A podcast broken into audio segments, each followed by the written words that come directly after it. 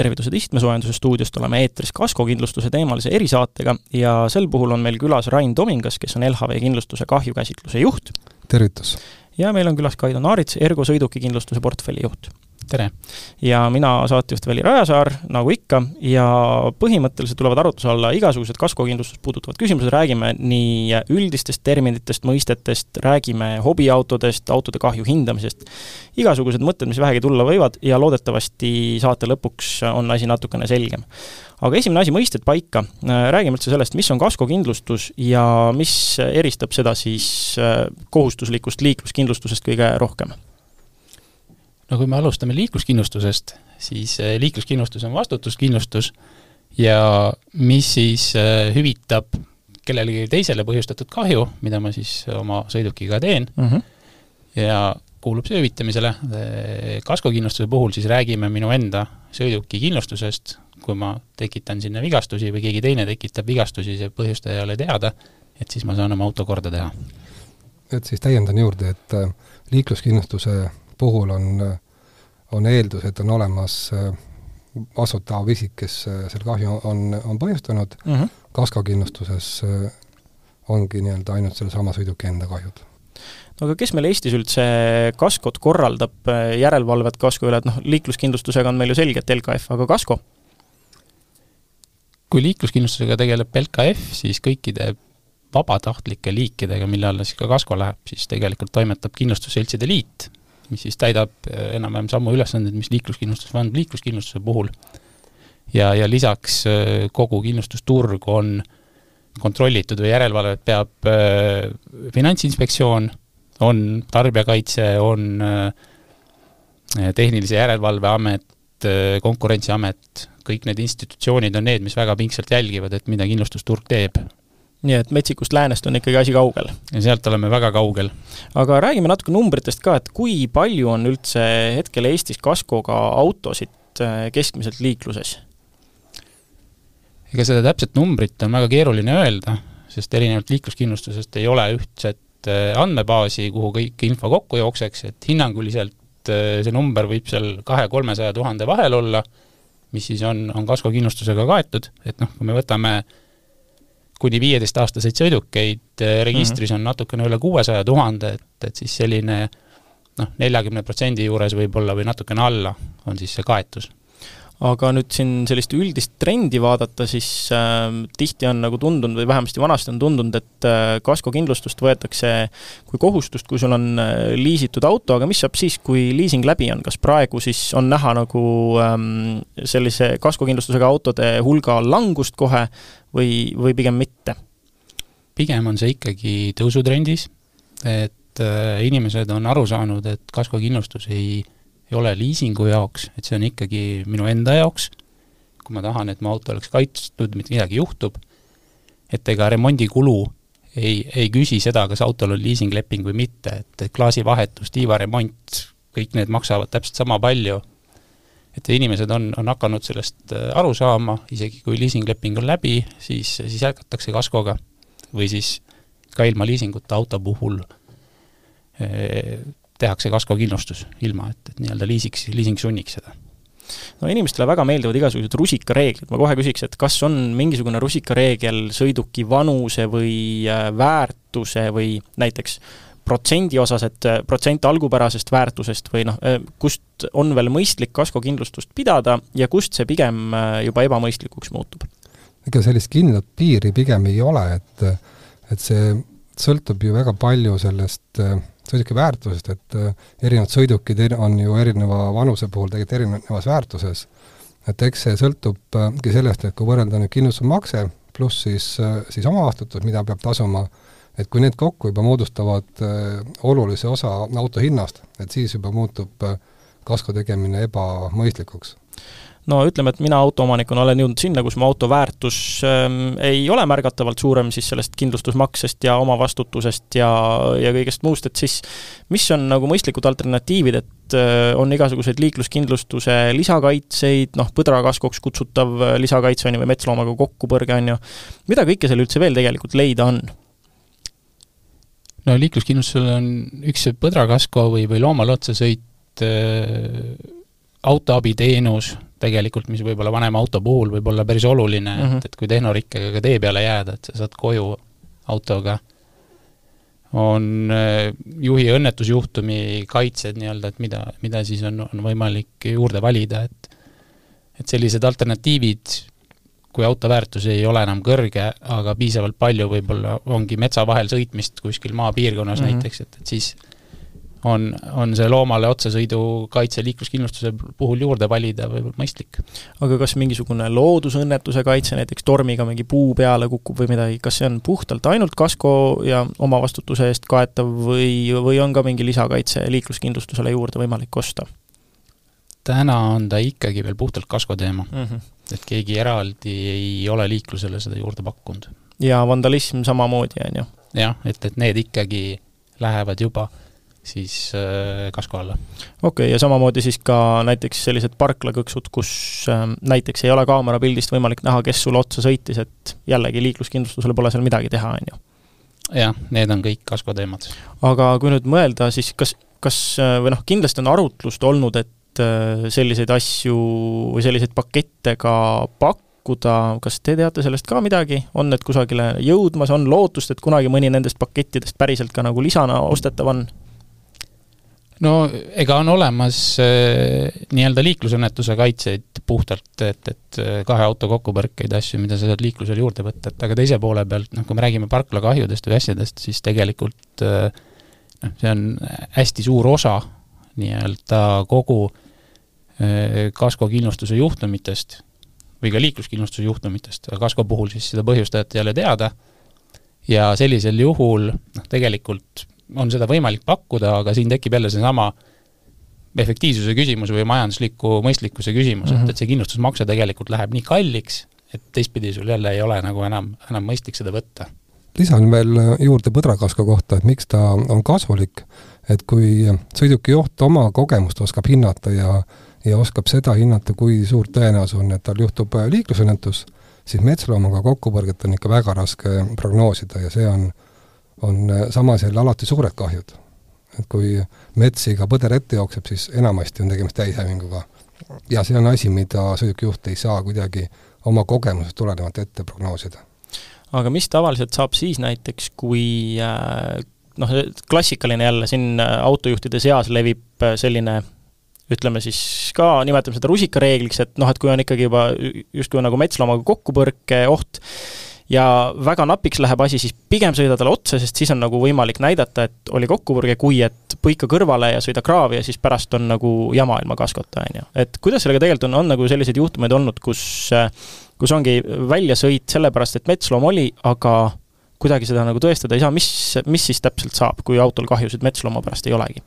no tegelikult sellisel juhul äh, on oluline teavitada kas politseid või siis äh, Keskkonnaametit, et, äh, et kõikidest metslooma juhtumitest tulebki tegelikult teavitada, aga seda, et, et sõida, sõida otsa metsloomale, ma arvan, et see ei ole kuidagi mõistlik, sest iga inimene tegelikult ju ikkagi üritab õnnetust vältida ja eriti suurele metsloomale otsa sõites võivad olla tagajärjed väga halvad, nii et nii et pigem pardakaamera külge ja siis on, siis on ka see, et isegi kui sa väldid kokkupõrget ja sõidad kraavi ja auto saab kahjusid, siis ikkagi see on pardakaamera toel vähemasti on siis nagu kindel, et sa ei maksa seda omast taskust kinni, ma eeldan. jah, kindlasti pardakaamera on hea asi, mida kasutada no aga ütleme, et on juhtunud õnnetus autoga, millel on kaskokindlustus, tuleb hakata taastama, remontima Äh, esimene samm üldsegi, äh, kuidas see kahju hindamine tegelikult käib, mis kõik on need erinevad asjad, mida seal arvesse võetakse?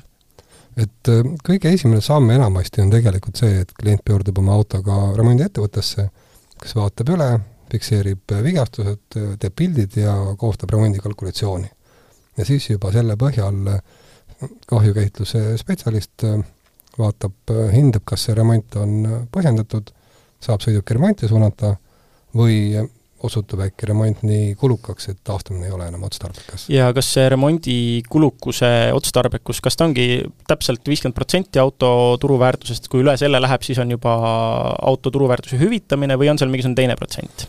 pigem seal ei ole sellist kindlat protsenti määratud, enamasti on ta siiski kõrgem, et äh, eks ta sõltub äh, natuke erinevatest markidest, äh, mis on nende autode väärtused, kui suur nõudlus on siis nii-öelda järelturul sellele okei okay,, nii et nagu auto ütleme, harulduse aste mingil määral kindlasti ka aitamine, noh kuulus näide on äh, Rowan Atkinsoni McLaren F1 muidugi siin meil pole UK-ga väga nagu selles osas midagi võrrelda, aga noh, selle autoga oli ka see, et selle taastamine läks üle auto väärtuse maksma, aga seal võeti ju ka arvesse, et selle auto väärtus ajas ainult kasvab ja kasvab kindlasti üle selle remondihinna ja kindlustus otsustaski, et on ju, läheb taastamisse, et äh, on meil Eestis ka mingit sarnast praktikat olnud mõne harulduse autoga?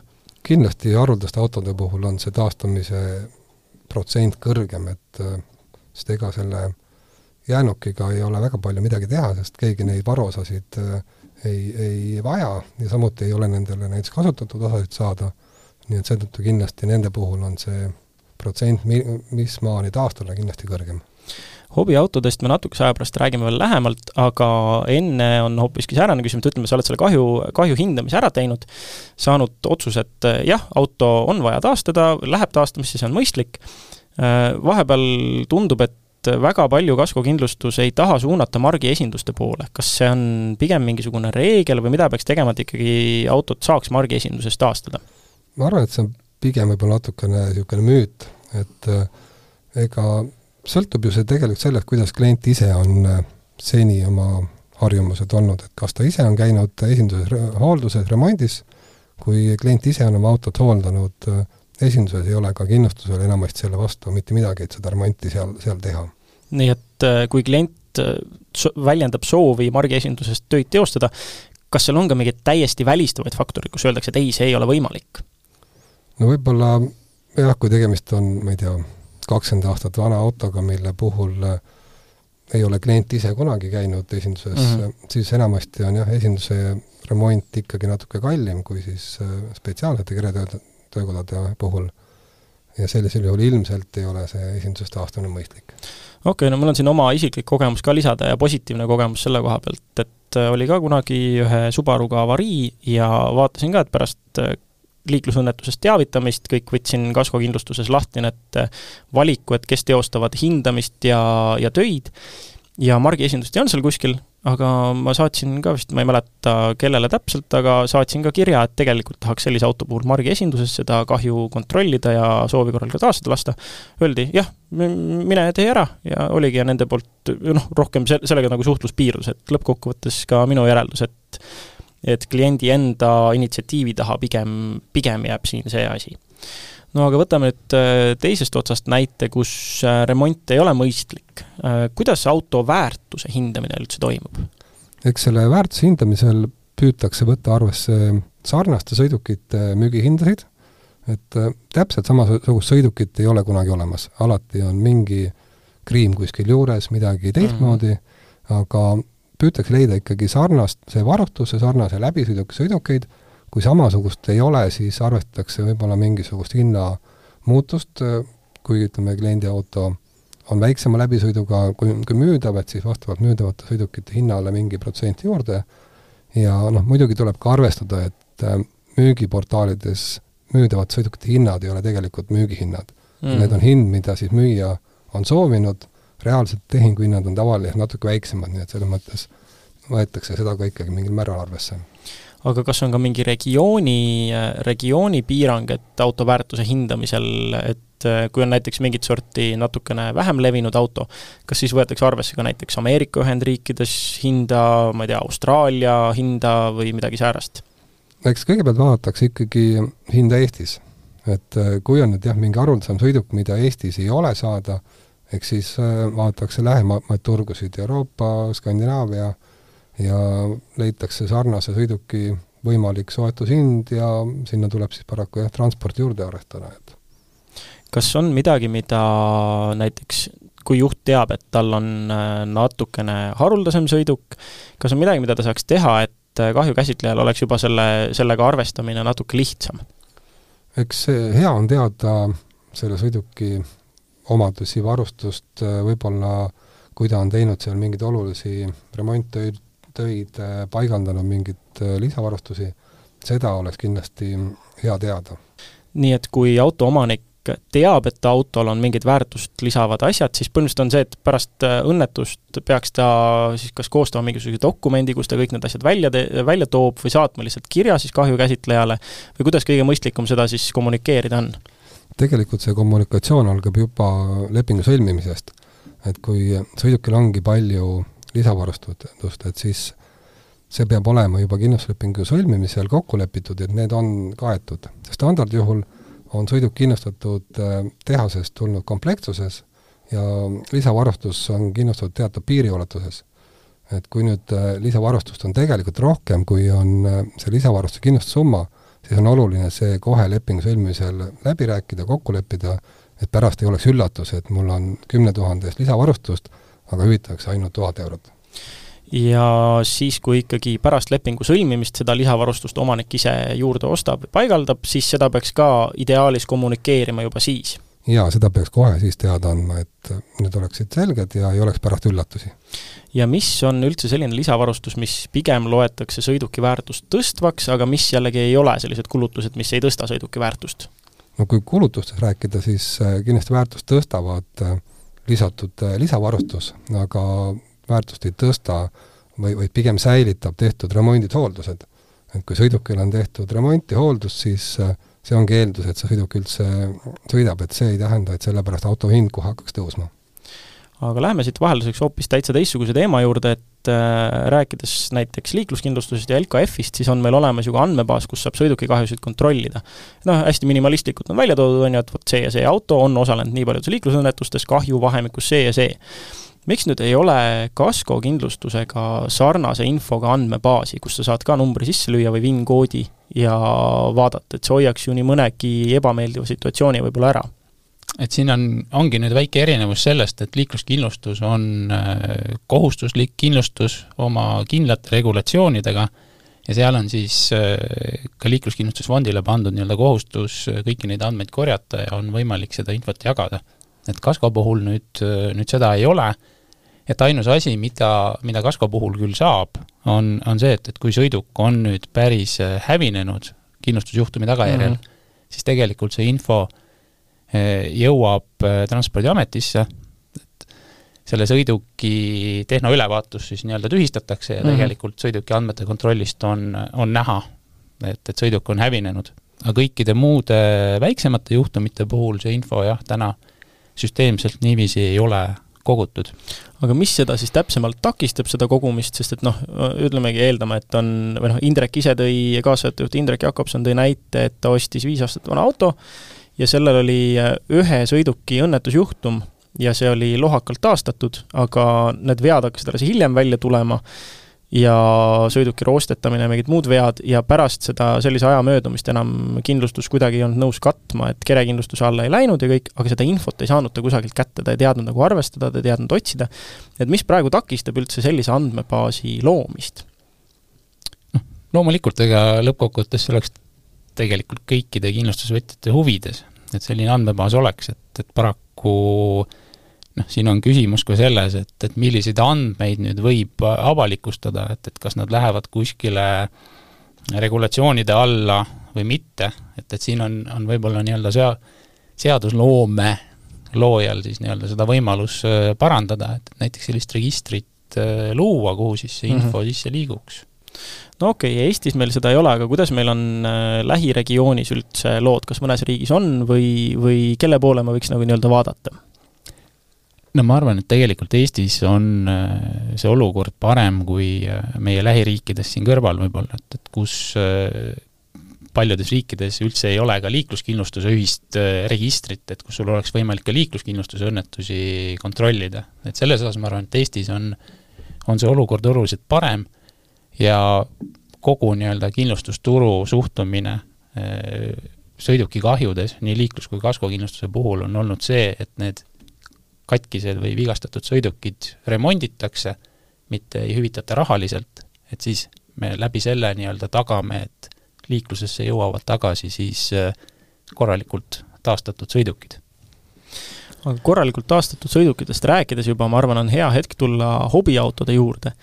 et äh, natukene selliseid nõuandeid ka hobiautode omanikele siin ikkagi kurdetakse, et et äh, vanematele sõidukitele ja väga korras sõidukitele on raske saada kaskokindlustust, kõik käib case by case. Äh, kas siit jookseb hobiauto puhul mingi vanusepiir, kust äh, alates enam ei saagi kusagilt automaatselt netis kindlustust teha või kust see piir üldse jookseb ja kust hakkab see case by case lähenemine, et sa peadki oma autoga tulema ja ütlema, et vot, mul on sellest aastast, vot nii korda tehtud masin, nii haruldane, tahaks seda ka nüüd kindlustada? No automaatsed lahendused siin jah, enam ei aita. et noh, sama, ütleme hobiautode puhul võib-olla kui kindlustusajalukku natuke tagasi minna, siis äh, mitte hiljuti oli kasko puhul vanusepiir autodel kümme, kaksteist aastat, mida pakuti mm, -hmm. et täna turul viisteist, isegi kuni kahekümne viie aastani tegelikult äh, minnakse välja. et siis ma arvan, et see on, see on nagu ka ajas äh,, ajas muutuv ja mida rohkem võib-olla selliseid hobisõidukeid juurde tuleb, seda, seda võib-olla tõenäolisem on ka see, et konkurents nii-öelda nende kindlustamiseks suureneb. Aga nende puhul põhimure on, on tegelikult see, et, et ta ongi manuaalne rätsepaülikonna tegemine, et iga auto on nii-öelda eraldi indiviid, tema seisukord, väärtus, kõik, et seal, seal ei ole võimalik nii-öelda masslahendusi kasutada. kas seal toimub siis ka mingisugune reaalne füüsiline ülevaataja kindlustuspakkuja juures või kuidas see käib, kui sa oled nüüd jõudnud vestluses senimaa äh, nii kaugele, et et jah, me oleme nõus sellele autole kaskokindlustuse tegema, mis siis edasi saab? ta üldjuhul ikkagi jah, väga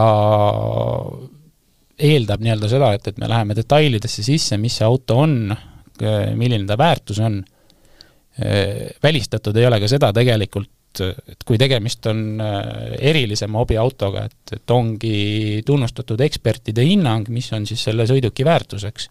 Ja millest siis selgub, ka see, et, et äh, mis on ta kindlustusväärtus, kas, äh, kas siis selts soovib teda kindlustada või mitte, et mis need riskid seal on ja kas äh, selliste hobisõidukite ja vanasõidukite kindlustamisel kehtib ka mingi rusikareegel, näiteks kui me räägime sõiduki hinnatud väärtus versus aastamakse, näiteks protsent sellest sõid-, selle sõiduki väärtusest, kas seal on ka mingisugune rusikareegel?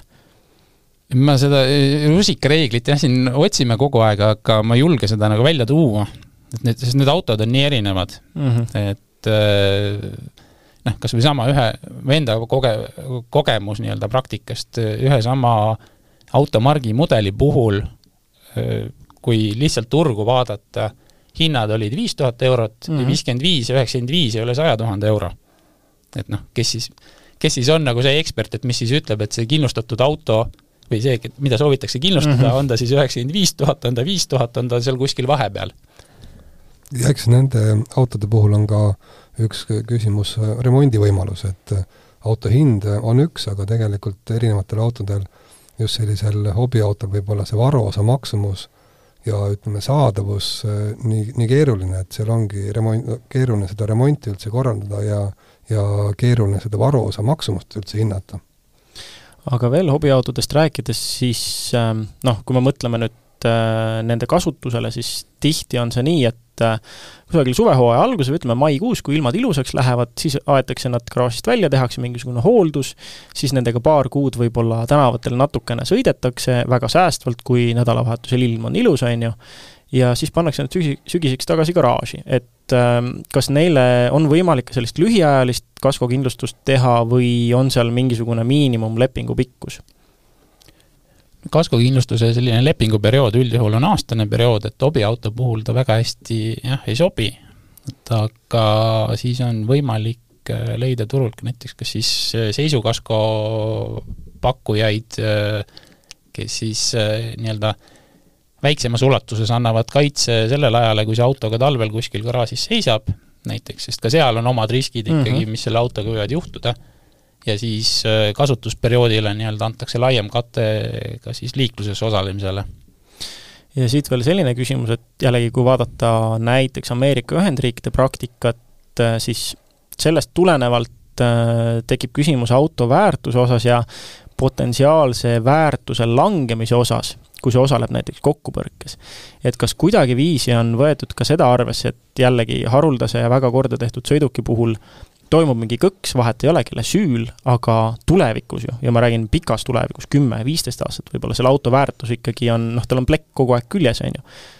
kas seda üldse võetakse auto väärtust hüvitades arvesse ja kui seda on võimalik arvesse võtta, siis kuidas see käib, kas ongi nii, et ma viieteist aasta pärast tulen, ütlen, et kuulge, ma nüüd äh, seda autot, mis viisteist aastat tagasi kokkupõrkes osales, tahaks müüa, aga näete, väärtus on nüüd kakskümmend korda kõrgem kui siis, kui see taastatud sai, et kas seal on üldse midagi rääkida? No kaskokindlustuse puhul äh, üldiselt ei ole sellist äh, võimalust hetkel, et hüvitatakse veel täiendavalt mingi väärtuse vähenemine, küll liikluskahju korral kuulub küll hüvitamisele väärtuse vähenemine, aga seal on ka omad omad piirangud, ütleme reeglid, mis, mis korral seda makstakse, oluline on seal jah, et äh, on saanud kahjustada kandev kere ja, ja remondimaksumus ületab äh, viiskümmend protsenti sõiduki väärtusest ja ütleme, juhul kui siis seda väärtuse vähenemist hüvitatakse, noh siis see arvutatakse kohe välja ja siis hüvitatakse kohe, mitte enam äh, hiljem. ja kaskokindlustuse puhul on osades kindlustuspakettides ka sees selline asi nagu auto vahetuse kulu.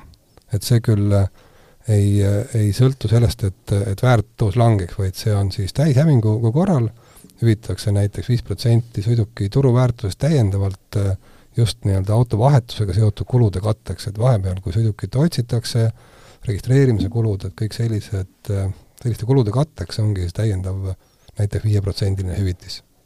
aga see tähendab jah, et see kaitse on siis vastavas äh, kaskopaketis juurde ostetud.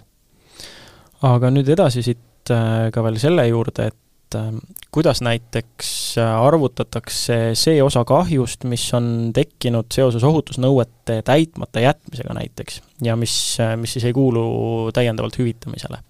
no sellel juhul on jah oluline, et see ohutusnõude rikkumine või siis mingisuguse reegli rikkumine on ka tegelikult põhjuslikus seoses tekkinud kahjuga.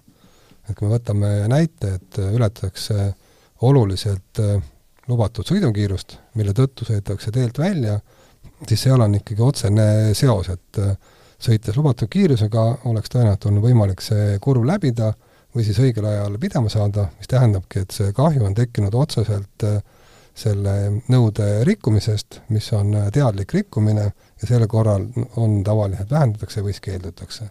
aga kas seal on ka mingi piir näiteks lubatud sõidukiiruse ületamise puhul, et kui palju? See sõltub äh, kindlasti konkreetse seltsi tingimustes, mõnedel võib see olla, mõnedel mitte. ja hea näide on veel äh, see, kui minnakse talvel sõitma suverehvidega. et äh, kui siis sõidetakse libeduse tõttu teelt välja, siis see ei ole ootamatu.